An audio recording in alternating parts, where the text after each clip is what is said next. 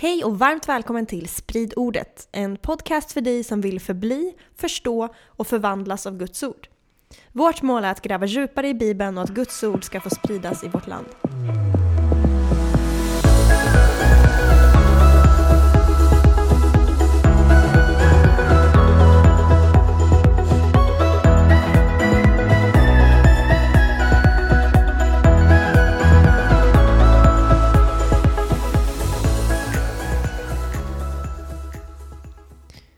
Ja, vi är igång igen. Vi är ju i serien Guds rike. Guds rike, ja. Guds rike. Ett annat ord för Guds regerande skulle man kunna säga. Ja.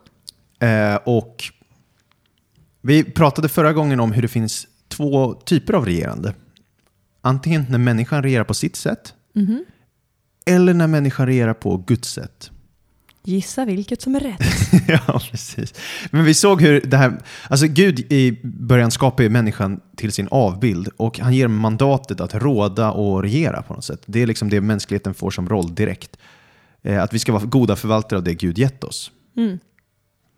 Vilket på ett sätt innebär att vi ska reflektera och representera Gud i världen. Att vi ska på något sätt ta den himmelska kulturen till hela jorden. För det var, vi pratade om eh, Bibelns första berättelse där och skapelseberättelsen och allting. Och hur Adam och Eva är på e, i Eden, som är ett högt berg, som är på ett sätt mötesplatsen mellan himmel och jord.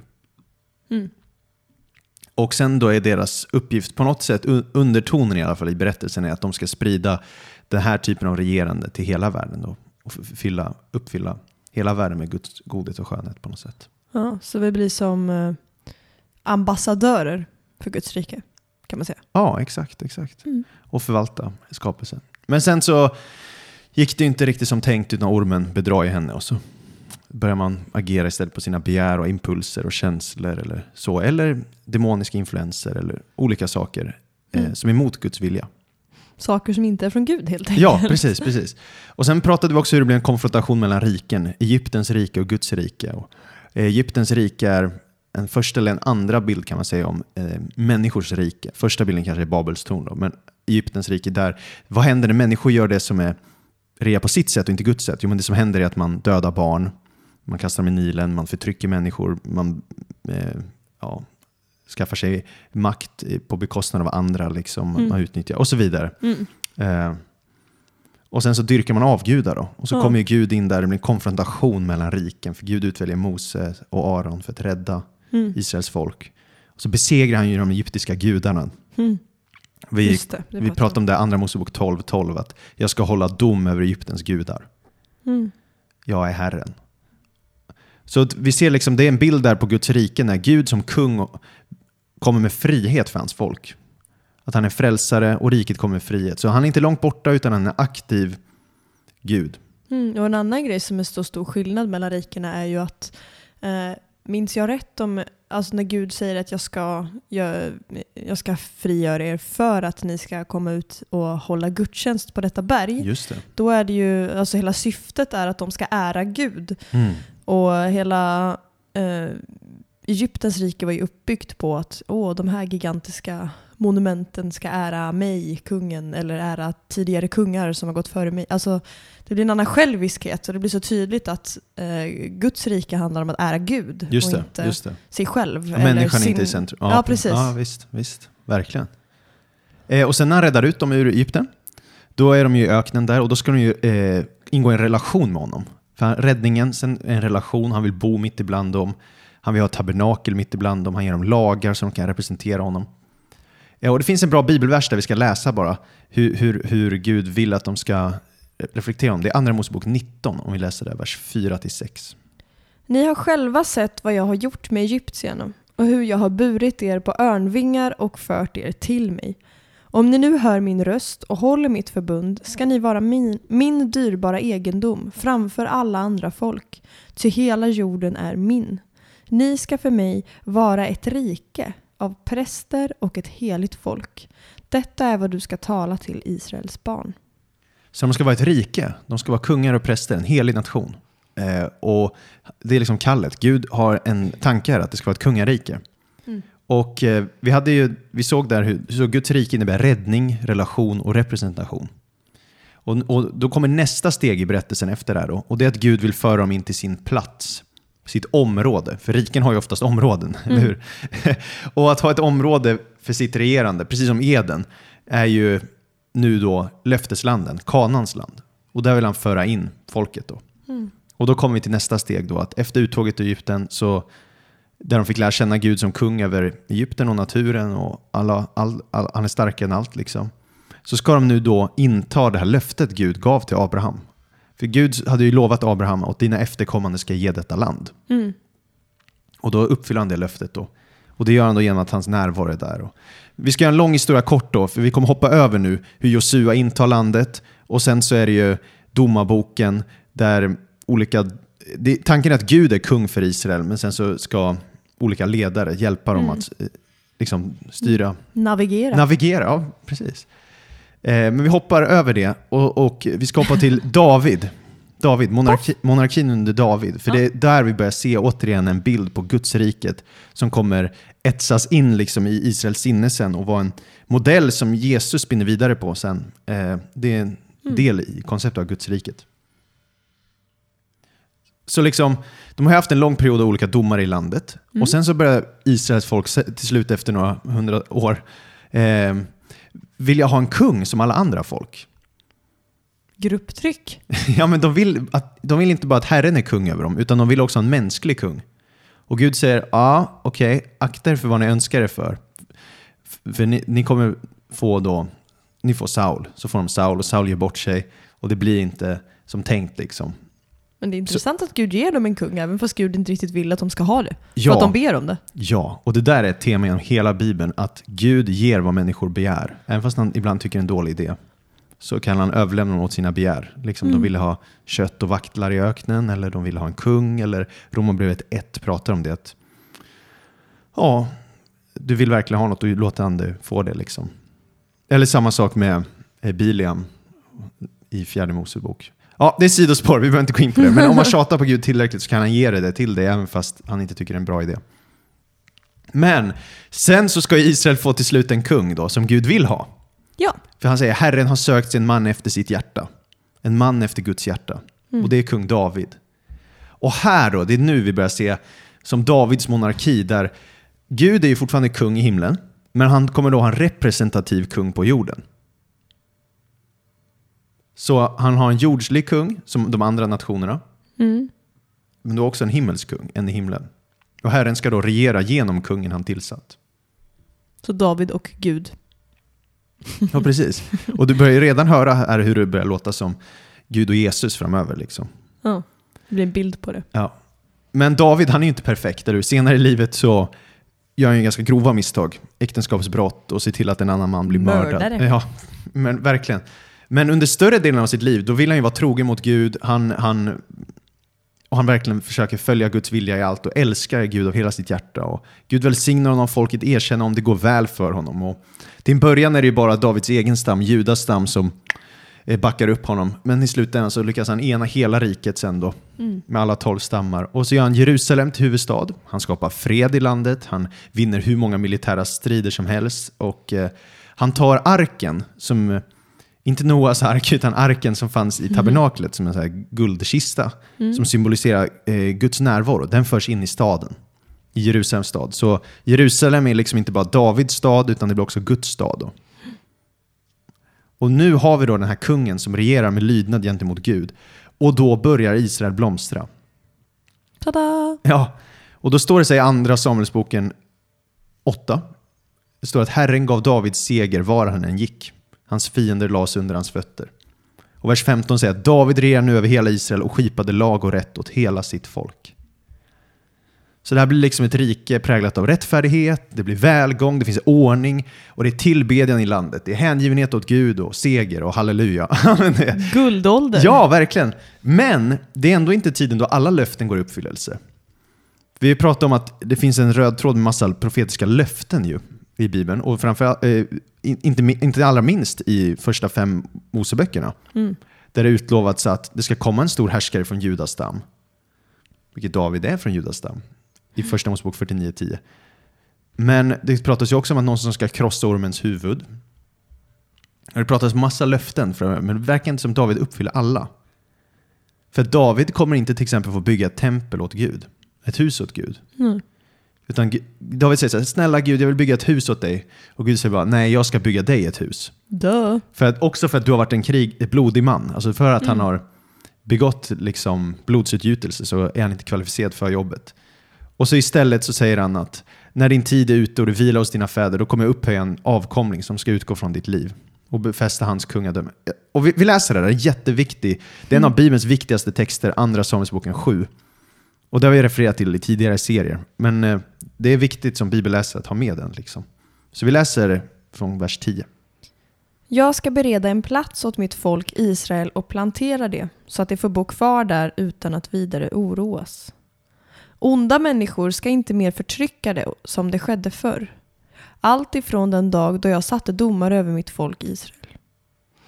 Jag ska låta dig få ro för alla dina fiender. Nu förkunnar Herren för dig att Herren ska bygga ett hus åt dig. När din tid är ute och du vilar hos dina fäder ska jag efter dig upphöja den avkomling som ska utgå ur ditt liv och jag ska befästa hans kungadöme.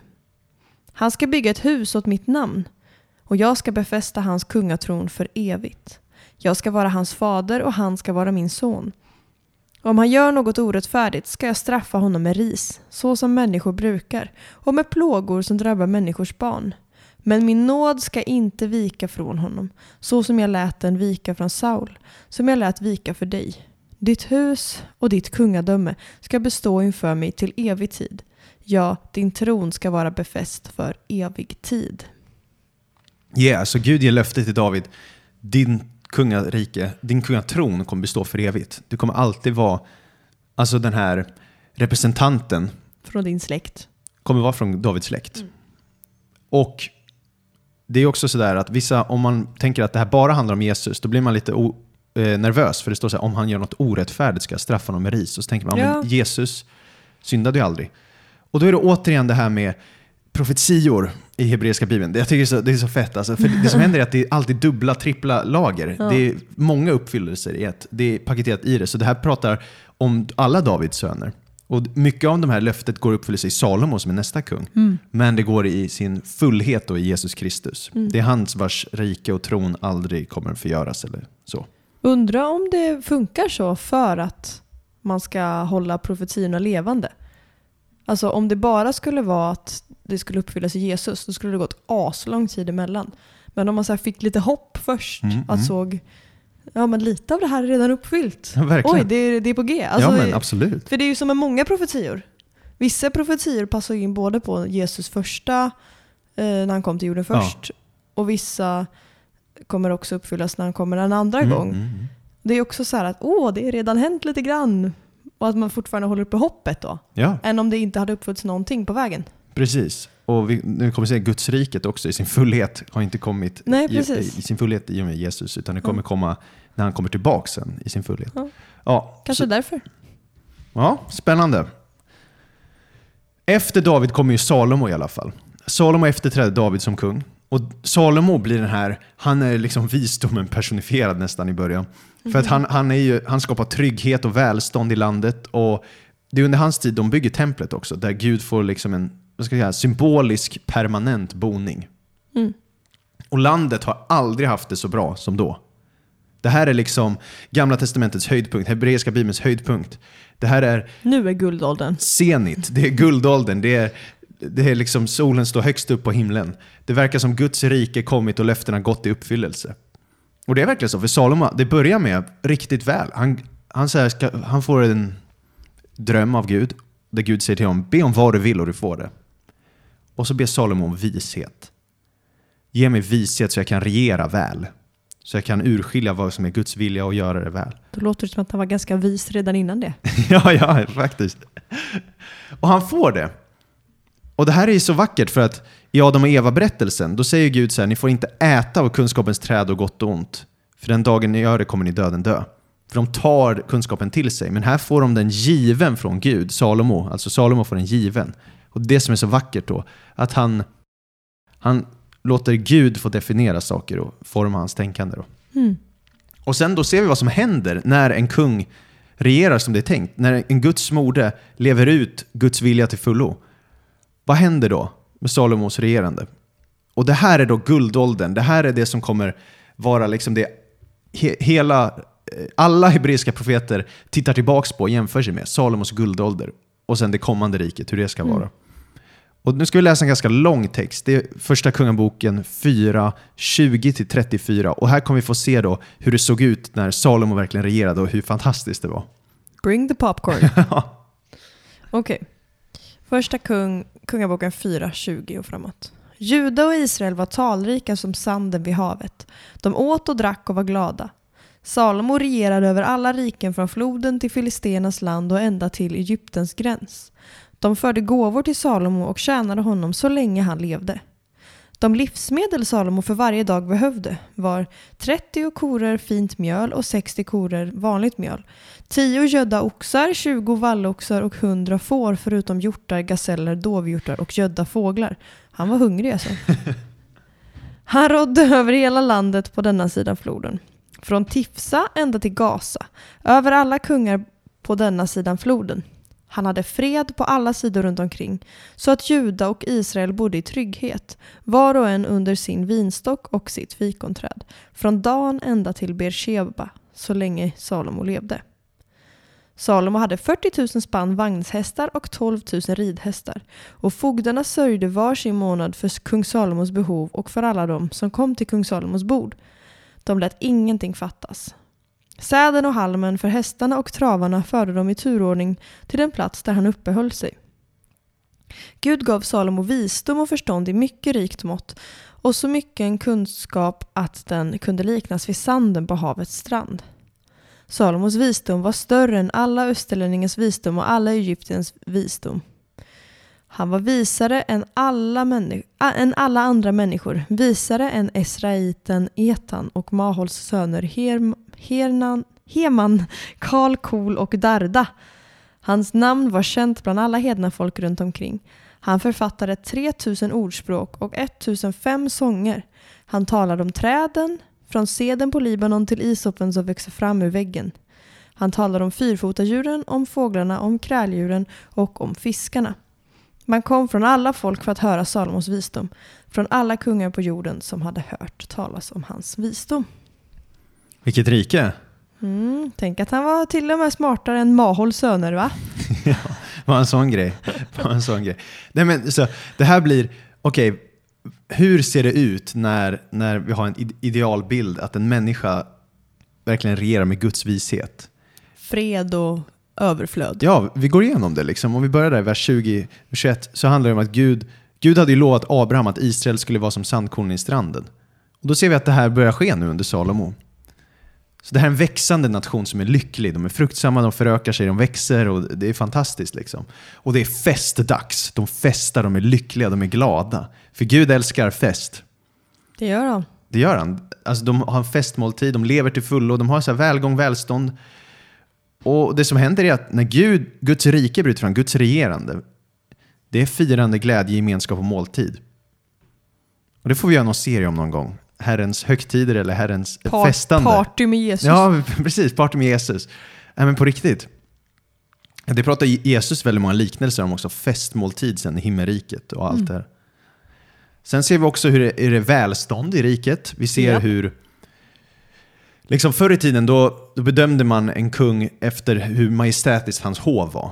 Och desto större hov, eller ju mer anställda, ambassadörer och så vidare, desto mäktigare kung. Och Salomo, han, är ju, han är, regerar maffigt, han har stora landområden han regerar Mycket över. folk. Och hans inflytande sträcker ju sig långt utöver hans nation. Mm. Och sen har han ju fred då, eller frid och fred.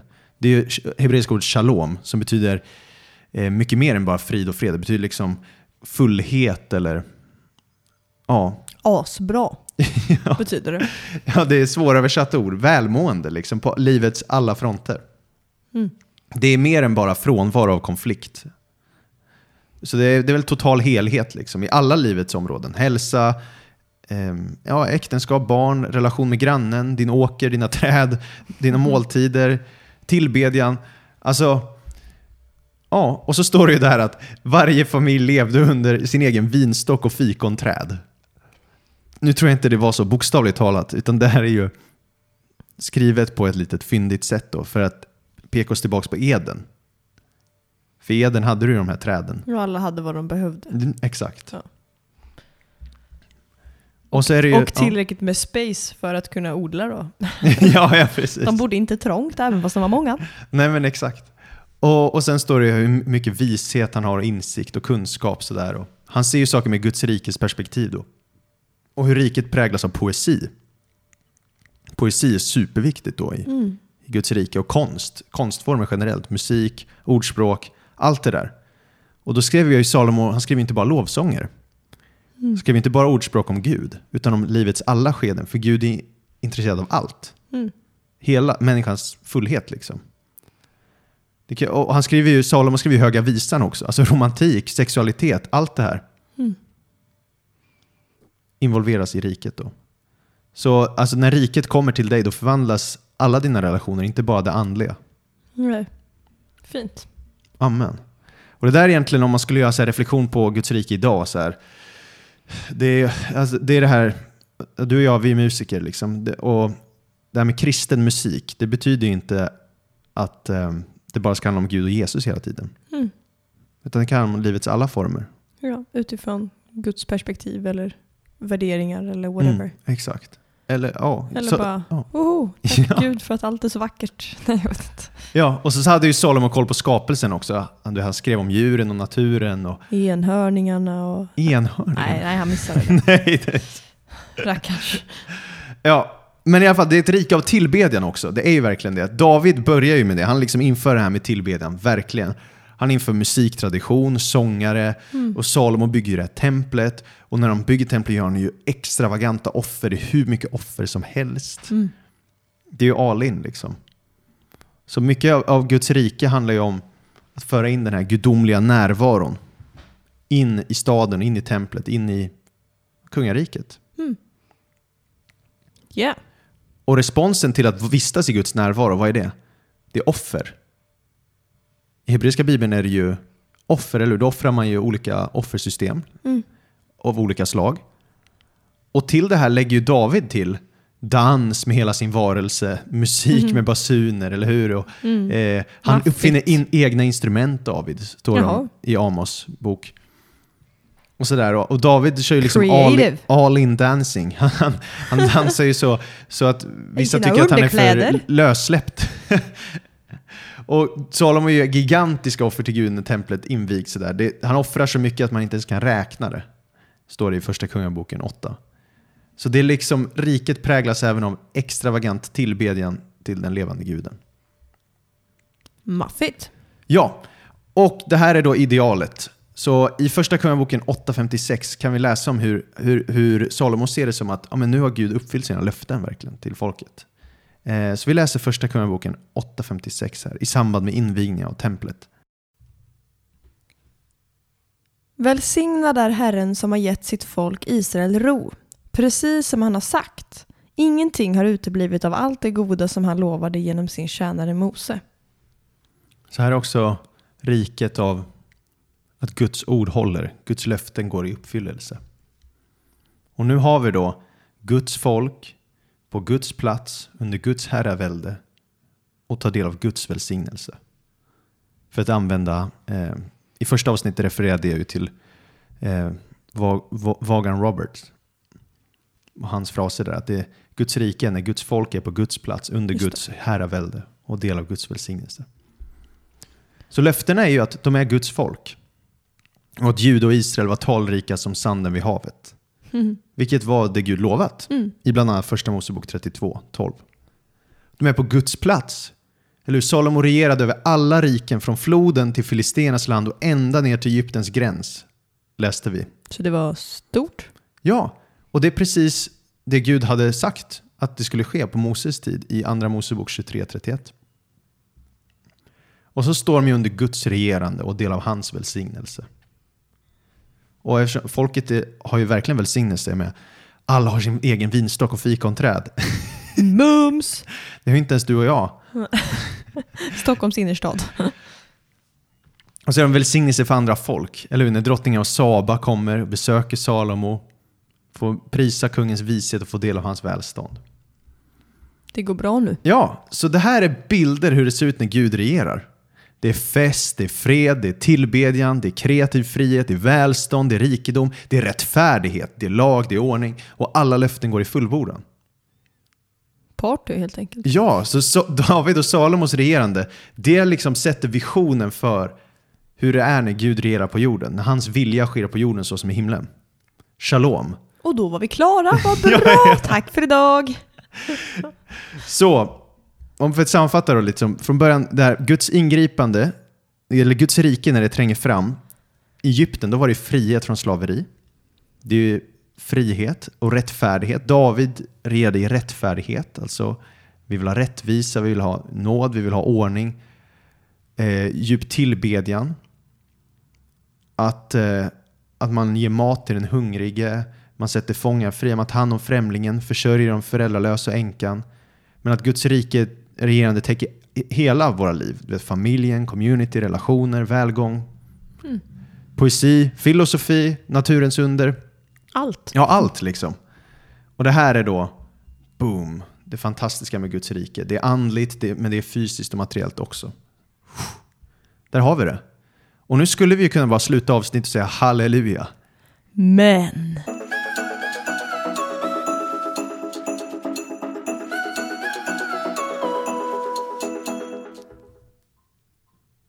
Men. Vadå? Så vi har idealet, men det kommer inte hålla i sig. Ba, ba, ba, Too good to be true. Vi kommer få se ett nytt syndafall, Oh no! kan vi säga. För Salomo börjar synda rejält. Eh, han gifter sig med många utländska kvinnor och börjar tillbe deras gudar. Inte bra att tillbe andra gudar. Nej, det är det som är poängen. Och han gör även andra fel. Men avgudadyrkan, det är det grövsta synden du kan göra i Guds ögon. Men då säger Bibeln att för Davids skull så kommer Gud skjuta upp sin dom till efter Salomos död.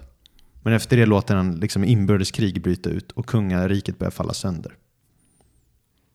Så länge var det roliga.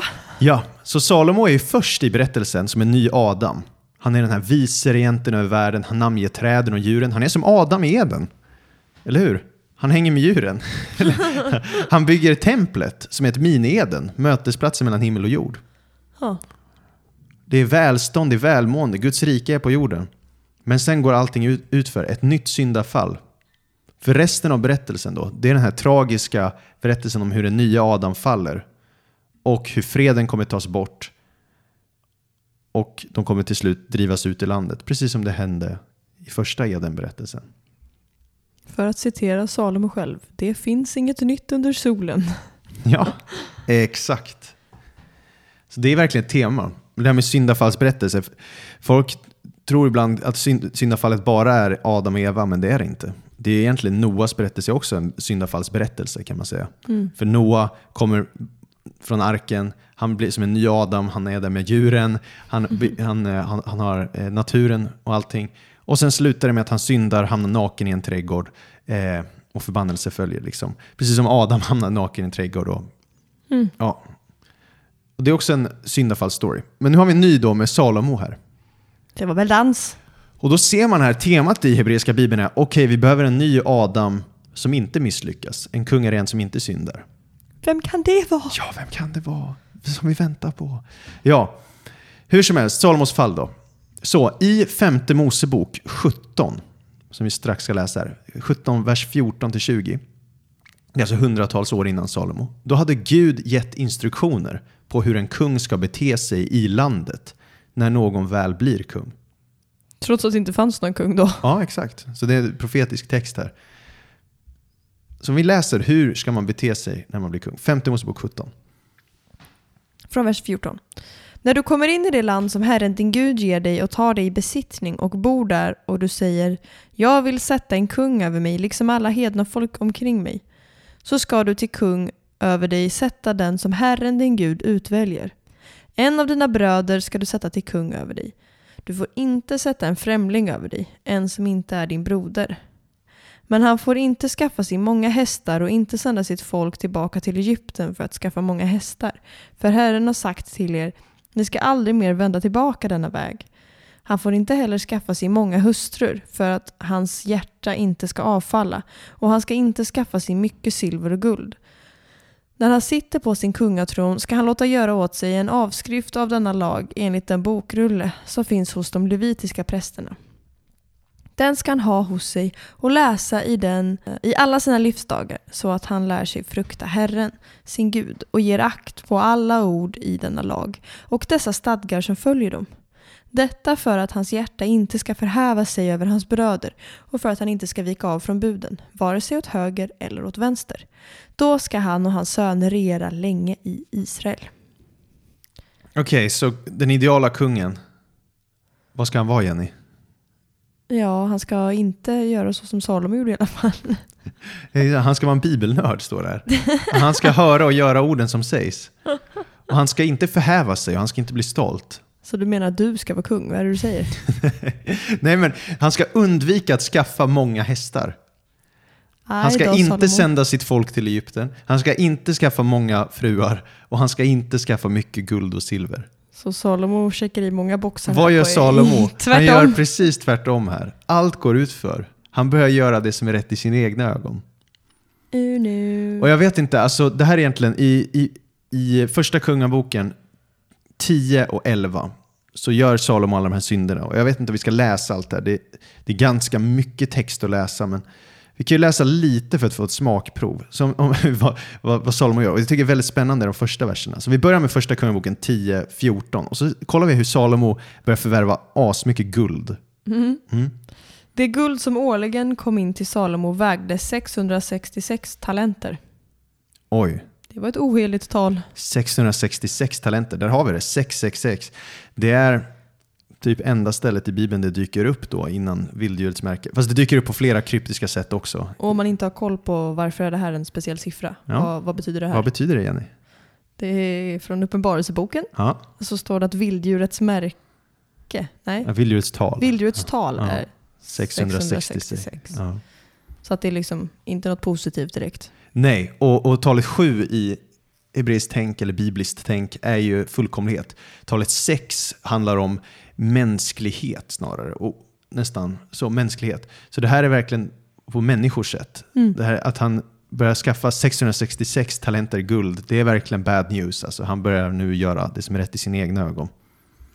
Och sen resten av texten beskriver hur han börjar göra vet, stora sköldar av guld, han börjar göra eh, mindre sköldar av guld, han börjar göra massa saker med guld. Han sätter upp dem i sitt skogshus han har. Liksom. Han, eh, han gör en stor tron av elfenben och överdrar den med guld. Och han börjar vet, bara överflöd av guld och silver. Sådär.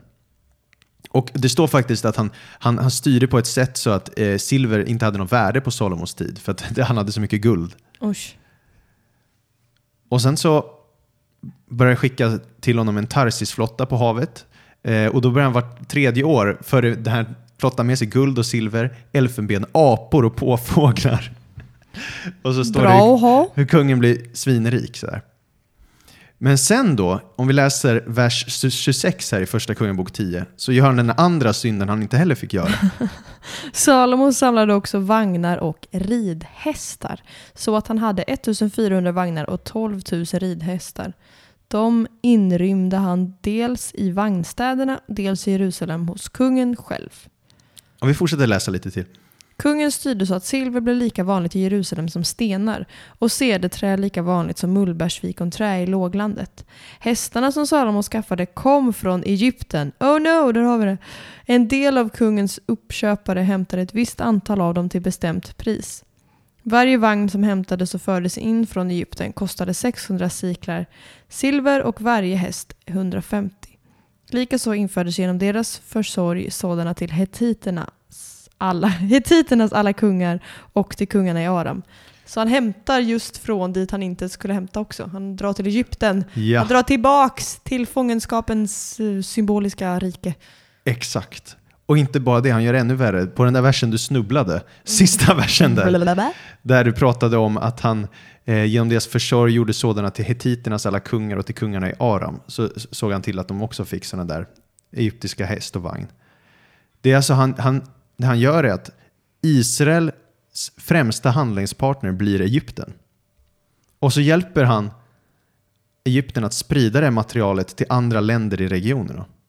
Så han bygger inte bara typ en krigsmaskin i Israel, utan han hjälper också till att exportera det här till hetiterna och Aram. Länder som senare kommer vända sig mot Israel. Uh-oh.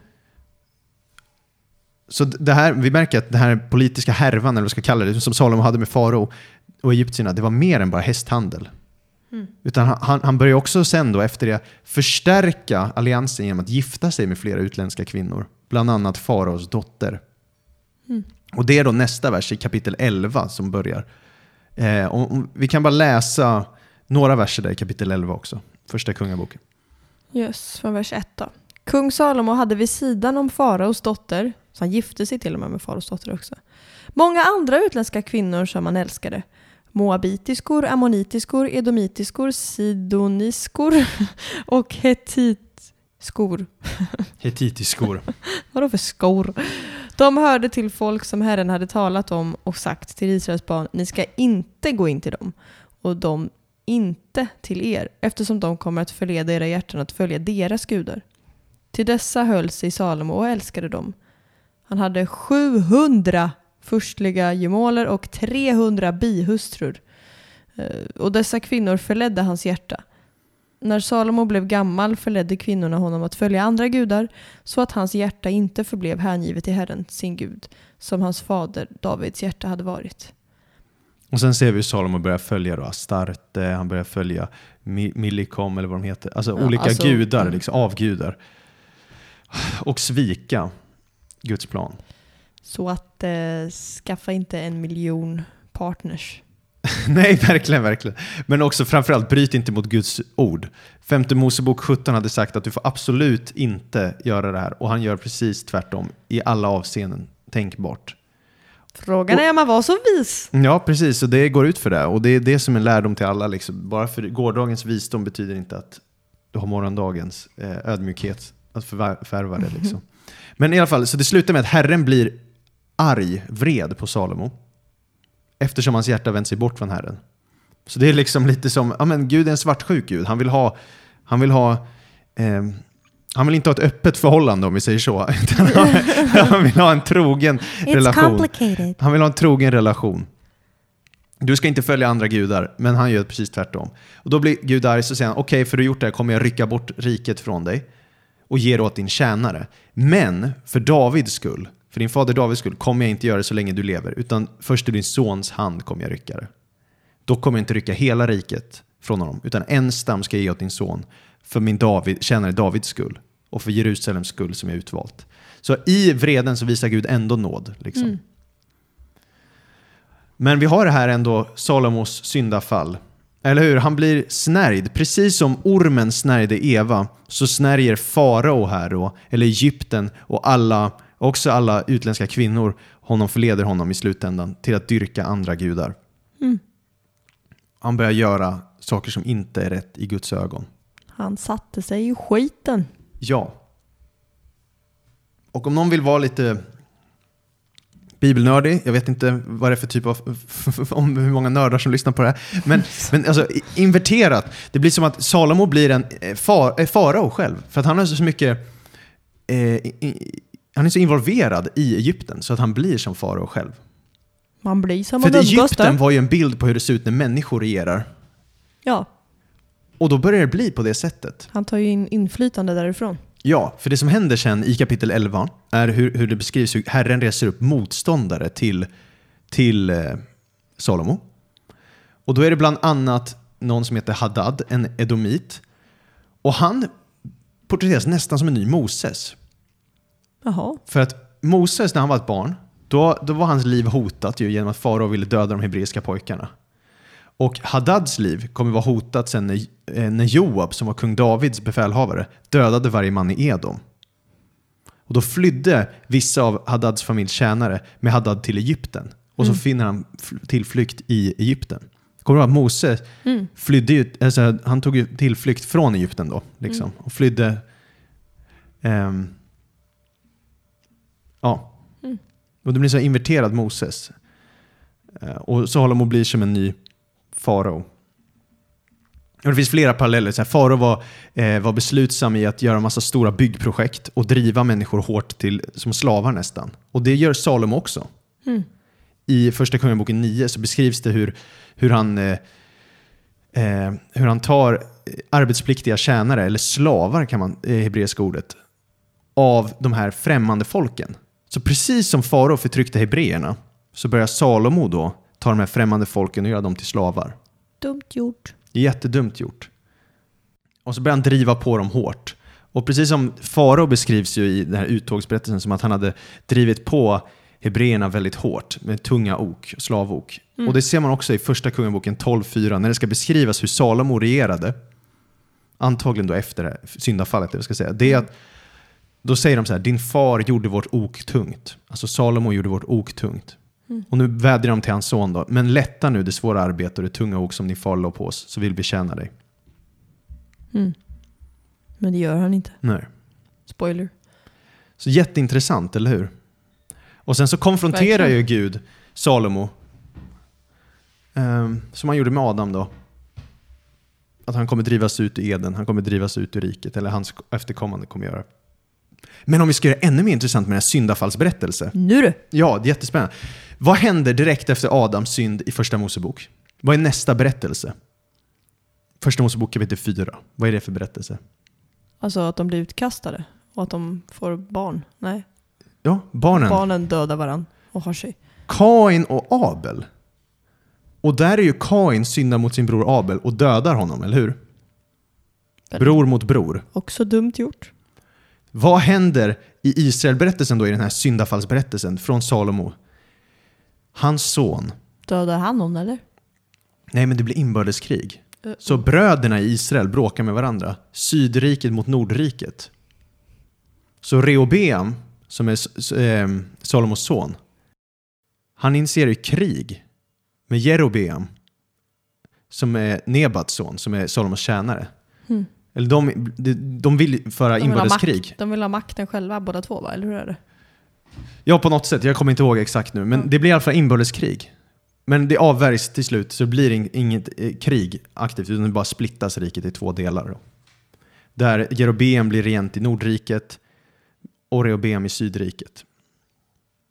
Och där börjar då, i Nordriket börjar de göra samma synder som israeliterna i öknen. De börjar dyrka guldkalvar. Och för man, gör inte, man vill inte göra det politiskt korrekt att de ska färdas ner till Sydriket och tillbe i templet. Så då säger man att ja, det är mer eh, smart att sätta upp guldkalvar där. Så de börjar dyrka guldkalvar där. Sydriket har flera dåliga kungar. Det har Nordriket också. Ibland kommer det någon bra kung i Sydriket framöver. Men Ja, det är här vi kommer till alla de här listorna. Och det var en dålig kung och det var en dålig kung och där var en bra och sen kom en dålig och sen kom en dålig och sen kom en dålig. Åh, eventuellt en bra och en dålig. Exakt, exakt. Så Nordriket går väl från dåligt till sämre och Sydriket går också från dåligt till sämre. Men de har några väckelser. Josia leder en väckelse, Hiskia leder en väckelse. Så det är några så här väckelser där de kommer tillbaks till Gud. Men ofta, och till slut så blir det så utbredd avgudadyrkan i båda rikena att de går in i fångenskap. Då. Så 722 före Kristus, 200 år efter riket har splittats i två, då angriper assyrierna Nordriket, Samaria, då, och förstör staden och tillfångatar Nordriket. Mm. Och Och Nordriket, är det Israel eller Juda? det är det som kallas Israel i Bibeln. Och Sydriket kallas Juda. Och Nordriket då, det beskrivs i Andra Kungaboken 17 med att det hände för att Israels barn hade syndat mot Herren sin Gud, som fört upp dem ur Egyptens land. Mm. Men Sydriket lever ju kvar lite efter det. Men de fortsätter att synda och vissa perioder är som sagt lite mer lydiga än andra. Men reformerna är ju inte ibland tillräckliga utan de har brutit mot förbundet och Guds vrede är aktivt. Och Gud hade ju sagt till dem, om ni är olydiga kommer ni inte få stanna i landet. Och sen då 597 f.Kr. då kommer babylonierna, besegrar Juda och för bort delar av befolkningen i fångenskap. Och sen kommer en till deportationen till fångenskap 586 f.Kr. då staden och templet förstörs också. Alltså Jerusalem förstörs, templet förstörs och många fler människor förs till Babel. Mm.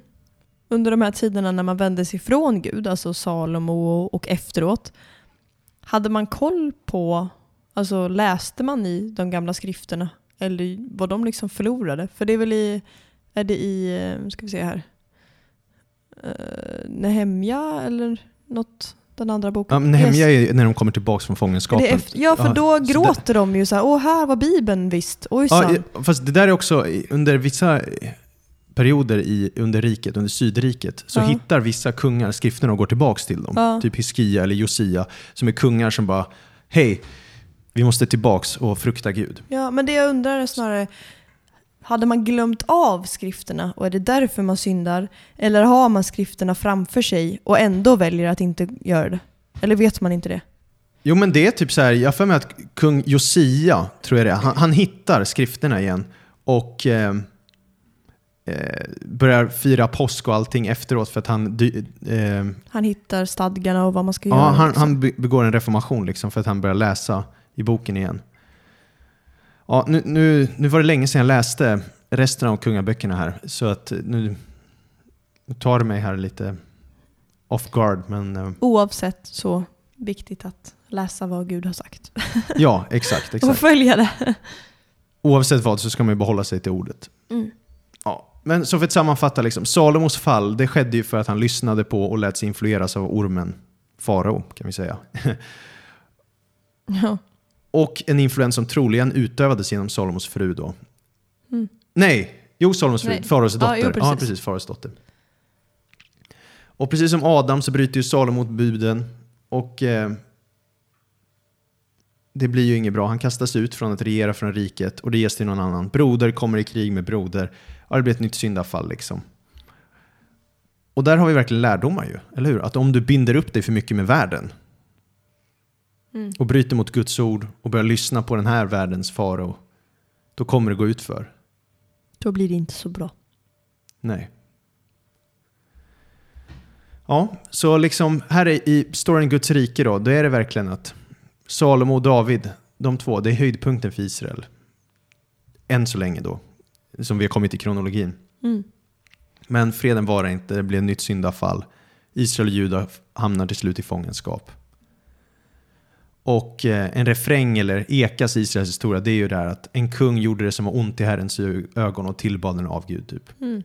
Och så kom, varnar profet efter profet om en kommande dom. Och till slut så kommer domen. Och riket var förlorat. Och då är frågan, kommer riket komma igen? Det är det som är hoppet då. Mm. Och det är det profeterna kommer börja profetera. Och det är det vi ska tala om nästa gång. Hur profeterna, när de är i exil, börjar profetera. Det är inte kört, hoppet är inte ute. Gud kommer upprätta sitt rike igen på jorden. Yeah, can't wait. Ja, Ja, har du några fler tankar? nej. Nej. Givet. vad störigt att jag inte vet, minns hur det var med, med det här med skriften, om de hade den tillgänglig eller inte. Om de bara ignorerade den eller om de hade... Men det kan du ta reda på till nästa gång. Eller jag, men du är bättre på det. Men jag med. Eller? Men det kan vi ju prata om i början på nästa avsnitt kanske. Ja, oavsett, poängen står ju, kvarstår ju. Liksom. Ja, det är att de bara, är håll dig till ordet. Ja, de följer inte Guds röst. Nej. Guds röst är viktig. Så, ja. Amen. Yes.